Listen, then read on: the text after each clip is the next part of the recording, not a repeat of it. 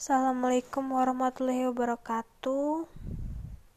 Perkenalkan, nama saya Nur Latifah dari Prodi Pendidikan Kewarganegaraan 2020A. Pada kesempatan kali ini, saya ingin menanggapi dari kelompok 6 yang membahas tentang keluarga negara dan globalisasi.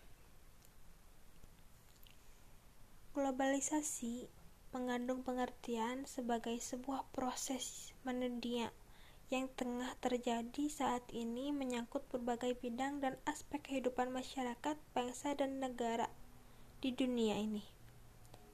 Proses globalisasi merupakan proses mengglobalnya seluruh unsur-unsur di dunia karena akses masuk ke dalam suatu negara sudah terbuka luas, sangat lebar. Namun, dari globalisasi sendiri, ada beberapa dampak negatif yang timbul, seperti kemiskinan, tindak kekerasan komunal, obat terlarang, dan lain-lain.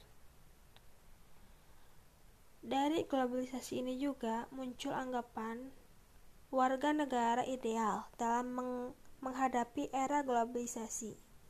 Sifat khas seorang warga negara ideal salah satunya adalah bisa bertanggung jawab, terlihat dari komitmennya terhadap nilai-nilai integratif dan terhadap penerapan aktif kesadaran kritisnya. Dari warga negara ideal ada juga yang disebut sekarang ini dengan warga negara global. Warga negara global merupakan tingkatan lebih lanjut dari tingkatan warga negara komunal dan warga negara nasional. Warga negara global adalah warga negara di mana sikap, komitmen, dan tanggung jawabnya mampu melintasi batas-batas budaya setempat, baik lokal maupun nasional kepada budaya masyarakat global.